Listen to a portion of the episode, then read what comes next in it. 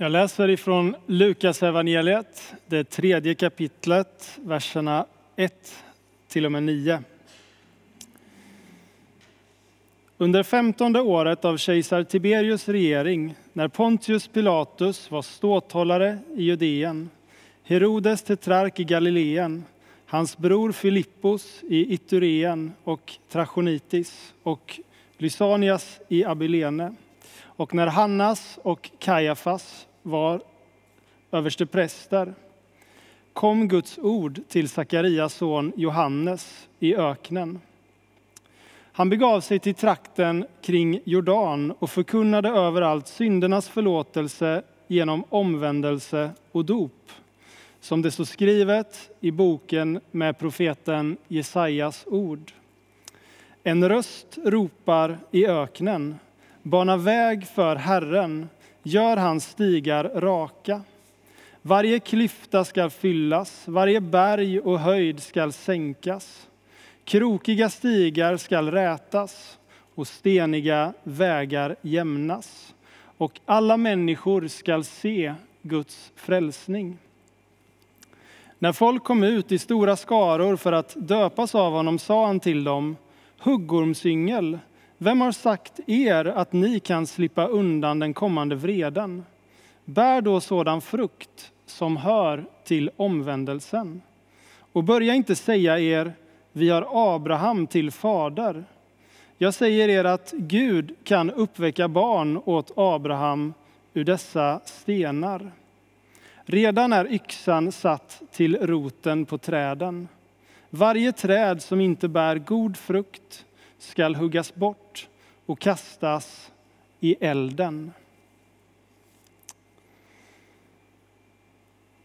Johannes döparen är rösten som ropar i öknen.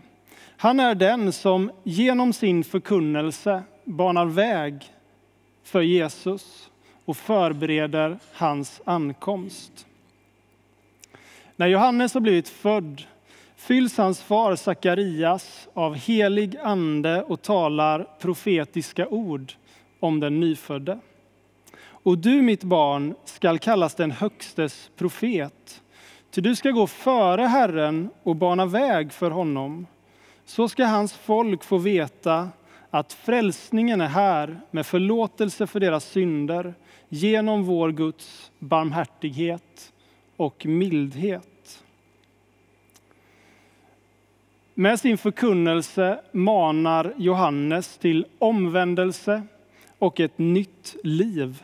Och på det sättet förbereder han folket för att ta emot Jesus. Det står att Johannes beger sig till trakten kring Jordan och det är ingen tillfällighet att han vistas just där. Jordan är en plats som förknippas med att Gud leder sitt folk in i något nytt. När Israels folk efter uttåget ur Egypten kom till det land som Gud hade lovat dem gick de över floden Jordan. Och när nu Johannes döparen beger sig till samma trakt så blir det återigen en plats där något nytt tar sin början. Det nya som ska ske när Jesus träder fram och Guds rike bryter in i världen. Vilket är då budskapet som rösten i öknen förmedlar?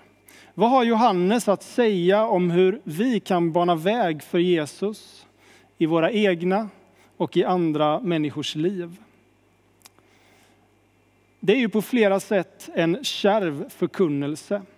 Johannes kallar dem som kommer till honom för huggormsyngel. Och han säger att de träd som inte bär god frukt ska huggas bort och kastas i elden.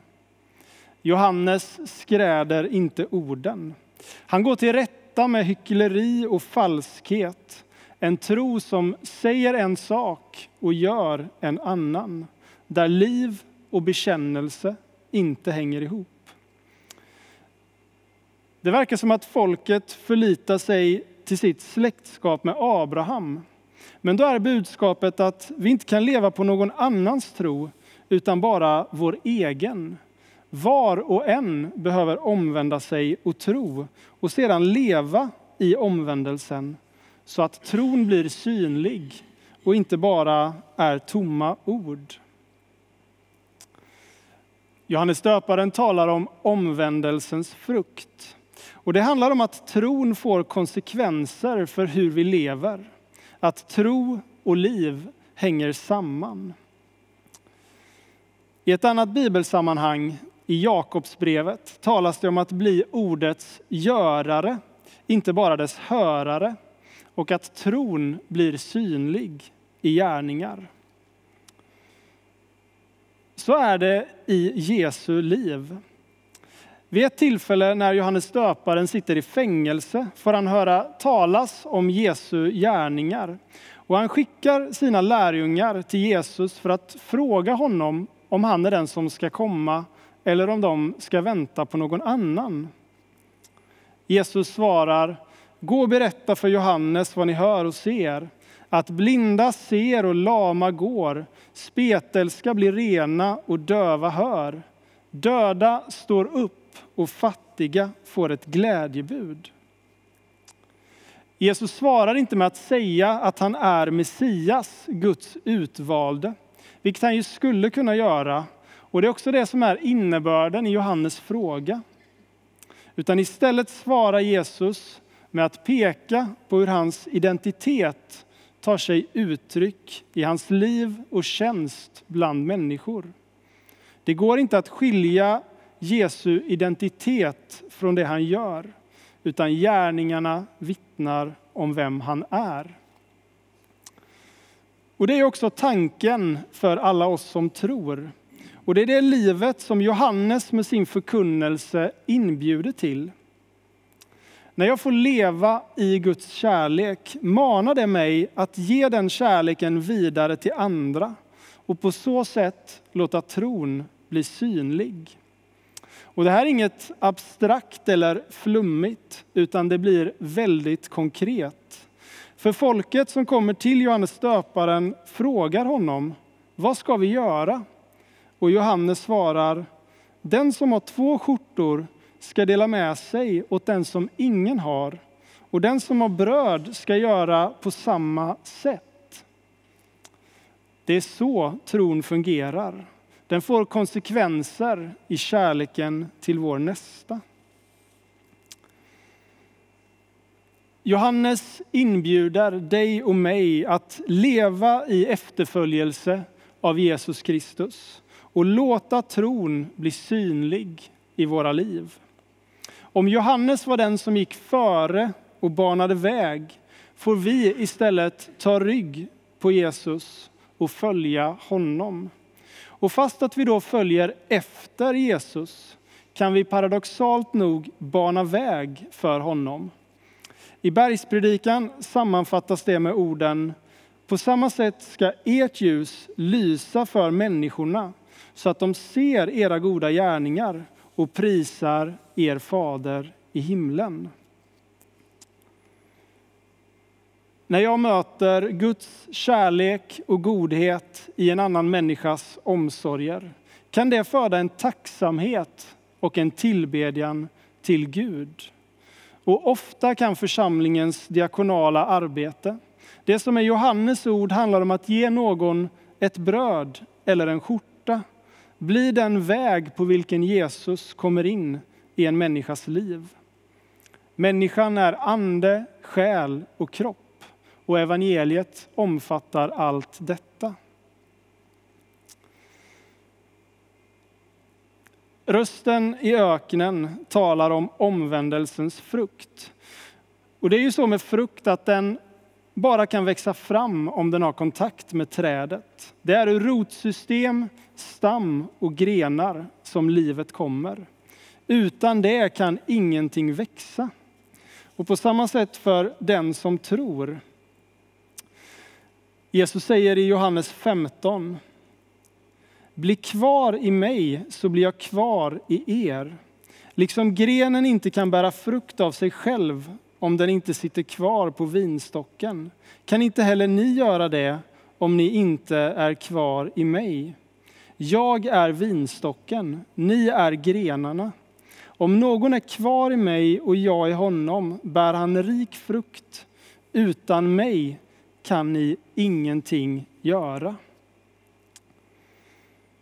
Det är ur relationen till Jesus som en längtan kan födas hos oss att få ge Guds kärlek vidare till vår nästa och på så sätt göra evangeliet synligt.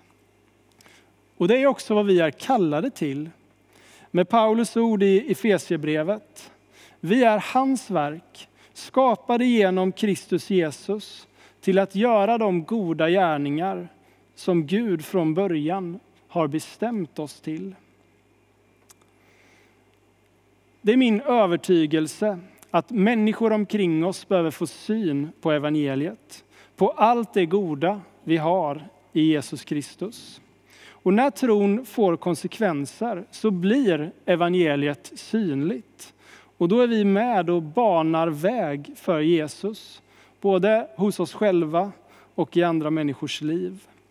Som vi läste ur profeten Jesajas ord som Lukas citerar. Krokiga stigar skall rätas och steniga vägar jämnas. Och alla människor ska se Guds frälsning. Att leva ut evangeliet i praktisk handling är att räta ut och jämna en väg för Gud så att hans frälsning blir synlig. Det är att bana väg och förbereda Jesu ankomst ibland oss. Jag vill sluta min predikan i en önskan. Det är ju snart jul och vi får önska oss saker.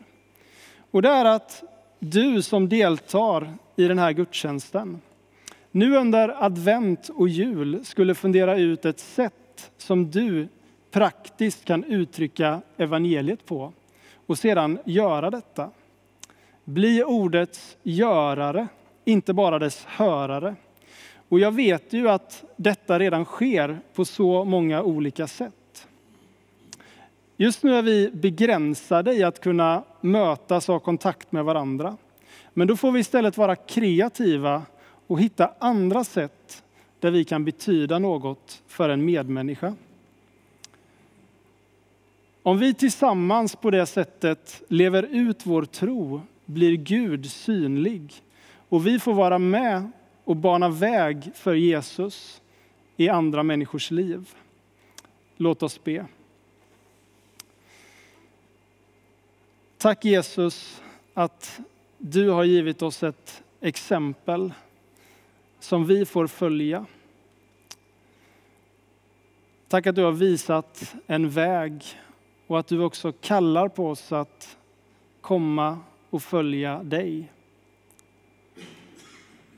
Tack att vi får leva i din kärlek och att den också kan få flöda över så att den också når till många fler. Hjälp oss som församling att leva så att tro och liv hänger samman och att vi på många olika sätt får göra evangeliet synligt för människor vi har omkring oss. Jag ber så i Jesu namn. Amen.